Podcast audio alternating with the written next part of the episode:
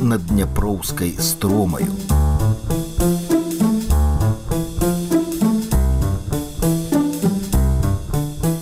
Усіх забытых адрасоў на могілках мінулых эпох, якія я наведаў і пра якія распавядаю ў гэтай кнізе, мне найчасцей успамінаецца круты бераг дняпра ў вёсцы азярышча, дзе расла караткевічава груша і з якой пачынаецца раман каласы пад сярпом тваім. На тым месцы цяпер ляжыць валун з металічнай шыльдаю, на шыльдзе выбіты першы абзац раману.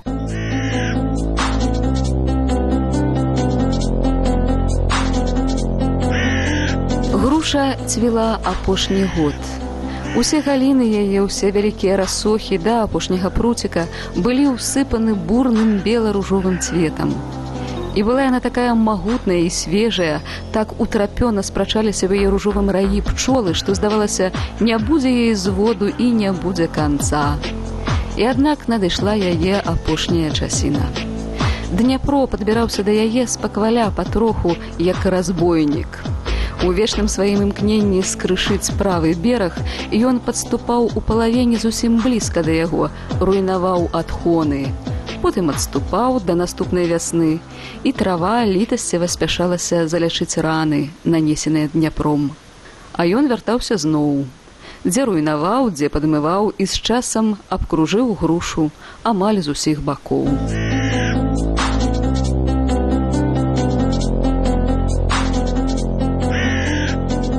Напэўна, я ніколі б не даведаўся пра гэты дом нумар 59 на вуліцы чкалава ў рагачове, калі б не пачутае ў размове імя. Імя пісьменніка, дзякуючы якому колькі пакаленняў адкрывалі наноў сваю Беларусь. У сам рагачоў мяне занесла са школьнымі канцэртамі, натхнёны цёплым прыёмам, які мне наладзілі старшакляснікі мясцовай гімназіі, я не стамляўся дзяліцца аптымізмам наконт нашай будучы будучыні з арганізатарамі імпрэзы, якія ў рагачове разумныя дзеці. Вось што значыць гараджане. А што ты хочаш ад дзяцей, калі побач караткевіч свае каласы пісаў? Дзе? Ды ў доме за вунтым рогам і каласы і нельга забыць і ладзю роспачы і шмат чаго яшчэ.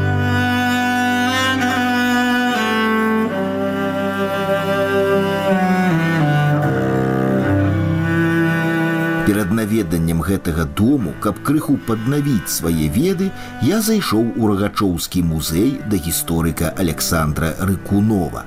Когда было восстание Косатя Калиновского, тут местный помещик Томаш Гриневич собрал себе команду инсургентов, пытался воевать против царских войск, но его солдаты и христиане, которые не поддерживали это восстание, расстреляли в районе нашей церкви. Причем, когда расстреляли, если на могиле прошел батальон солдат, чтобы даже места не оставалось. Говорят, что стоял раньше крыш тут вот на кладбище большой его память. Кто-то поставил потом с нащадков. Так вот, Владимир Короткевич считал этого Томаша Гриневича своим предкам непосредственным по женской линии.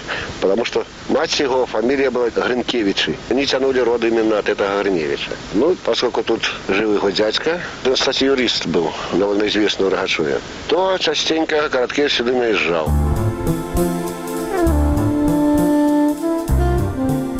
Гэты дом позірк мінака вылучае адразу драўляны высачэзны гарадскі асабняк з парадным уваходам.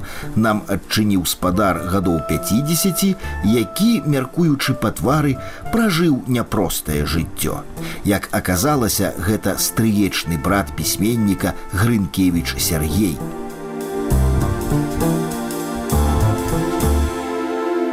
Понимаете, здесь дело такое, вот не воспринимаешь э, человека талантливого или родственника, какой-то свояк, ну и все, ну.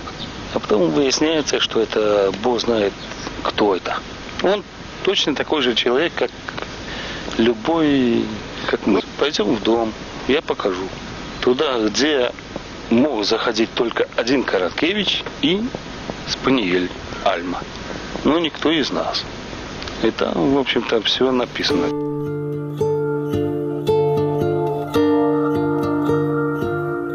Уявіце сабе вялізны светлы пакой са столлю пад 4 метры, дзе з мэблі толькі стол, крэсла і ложак.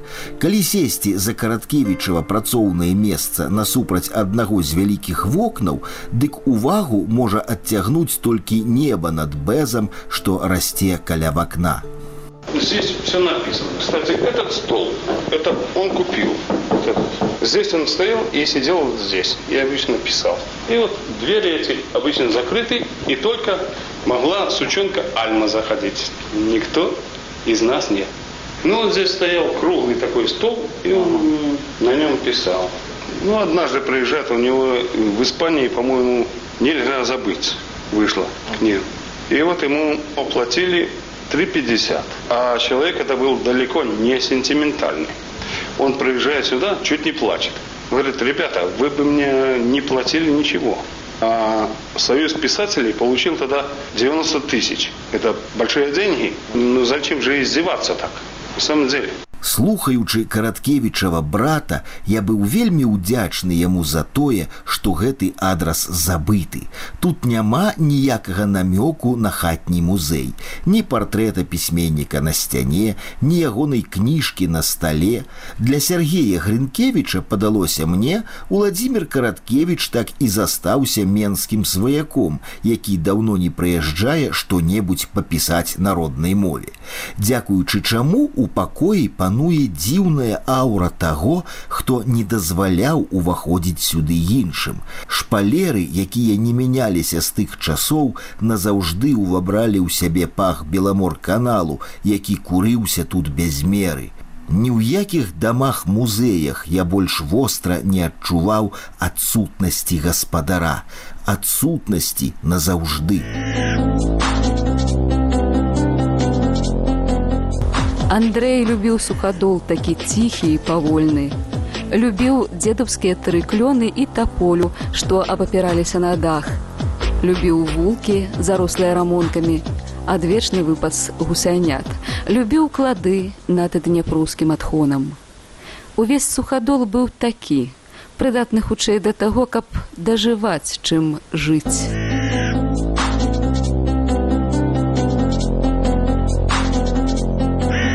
Сухадол гэта ў караткевічавым рамане псеўданім рагачова. Спадар Сергей згадзіўся праводзіць мяне ўверх па дняпры да вёскі азярышча, вёскі, з якой і пачынаецца гісторыя галоўнага героя каласоў пад сярпом тваім. Па дарозе Грынкевіч узгадаваў брата. А, кстати, вот здесь вот с Короткевичем цирк был. Едем на лодке. И вот он э, сидит на носу. Руки вот так э, в воде. И тут на тебя проскакивает утопленница. Уже до того разложилась. Тот это руки поднимает. Дядька, что мне делать? Ну, ладно. Ну, мы эту утопленницу к берегу меня отправляют. А тот это не знает, что с руками с этими делать. Вот в воде ж были.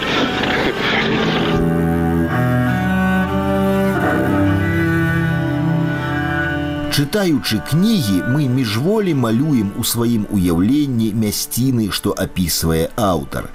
Цікава, колькі такіх імгненных малюнкаў было народжана беларусамі падчас чытання каласоў. Не памылюся, калі скажу мільёны, бо чыталі, дзякуй школьнай праграме усе.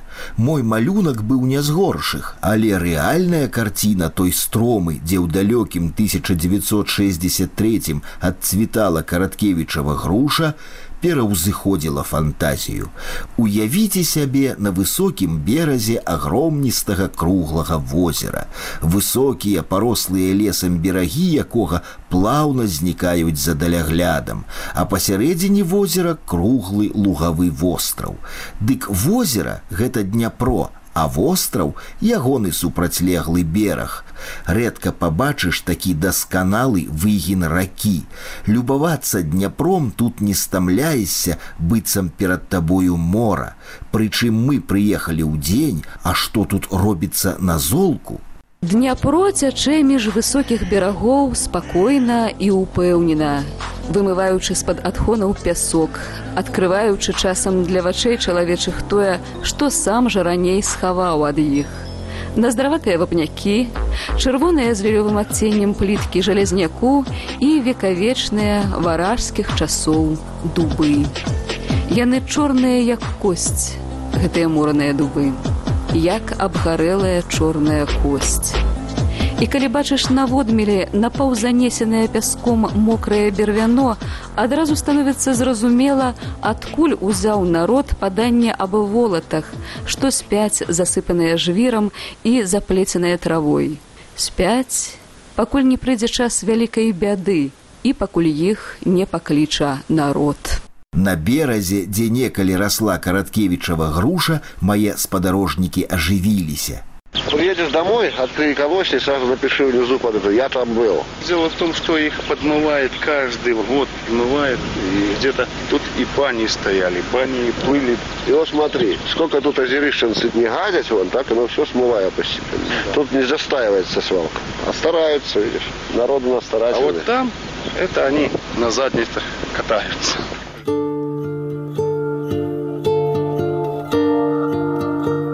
У азярышчы жыве вельмі прыгожая пара. Стары бакеншчык Васіль Максімович са сваёю старою каля самага дняпроўскага берагу. Я на кино сфотографировали людей, а я работал бакенщиком, фонари полил эти. Вот утром я встаю фонари, это иду полить на Днепр, они сфотографировать меня тузака. Потом на лодке выезжали мы, поднимали дубы большие такие в берегу. А кино то я даже не пройдел, где на его деле. И он шутливый таких хлопец вообще был, веселый, совестный. А зараз Бакина уже не памяти. Да не, все заглохло, и поломали столбы, и все, ничего нет. А что он любил поесть? Знаете, картошку и кишмир. Ну, и салыш кусочек пожаришь, это не того, яичко. А потом кишмир, это вот поставишь этому кушаны два на стол, они его кружками попьют, хлопцы. Э, если выпить, так свою эту, самодельную, эту, самогон. Вот это я вот первое. А эту магазинную? А не, не уважал вообще. Вот это сколько и он приходилось, так он обычно, у нас это была из яблочного соку, чистый яблочный сок, и вот я, ну, перебраживаешь, делаешь, так она и запах яблоков, и вкусная такая, запах. Ну, так вот это и он всегда уважал.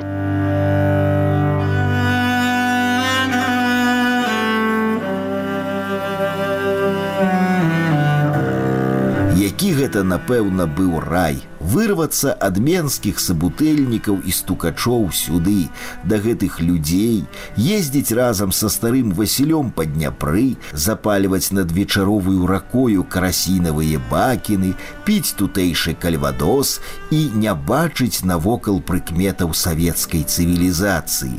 Бо куды тут не зерні, паўсюль краявіды, што былі і 100 і 300 гадоў таму. Сам таго не ведаючы, я ўжо бачыў гэты краявід на экране.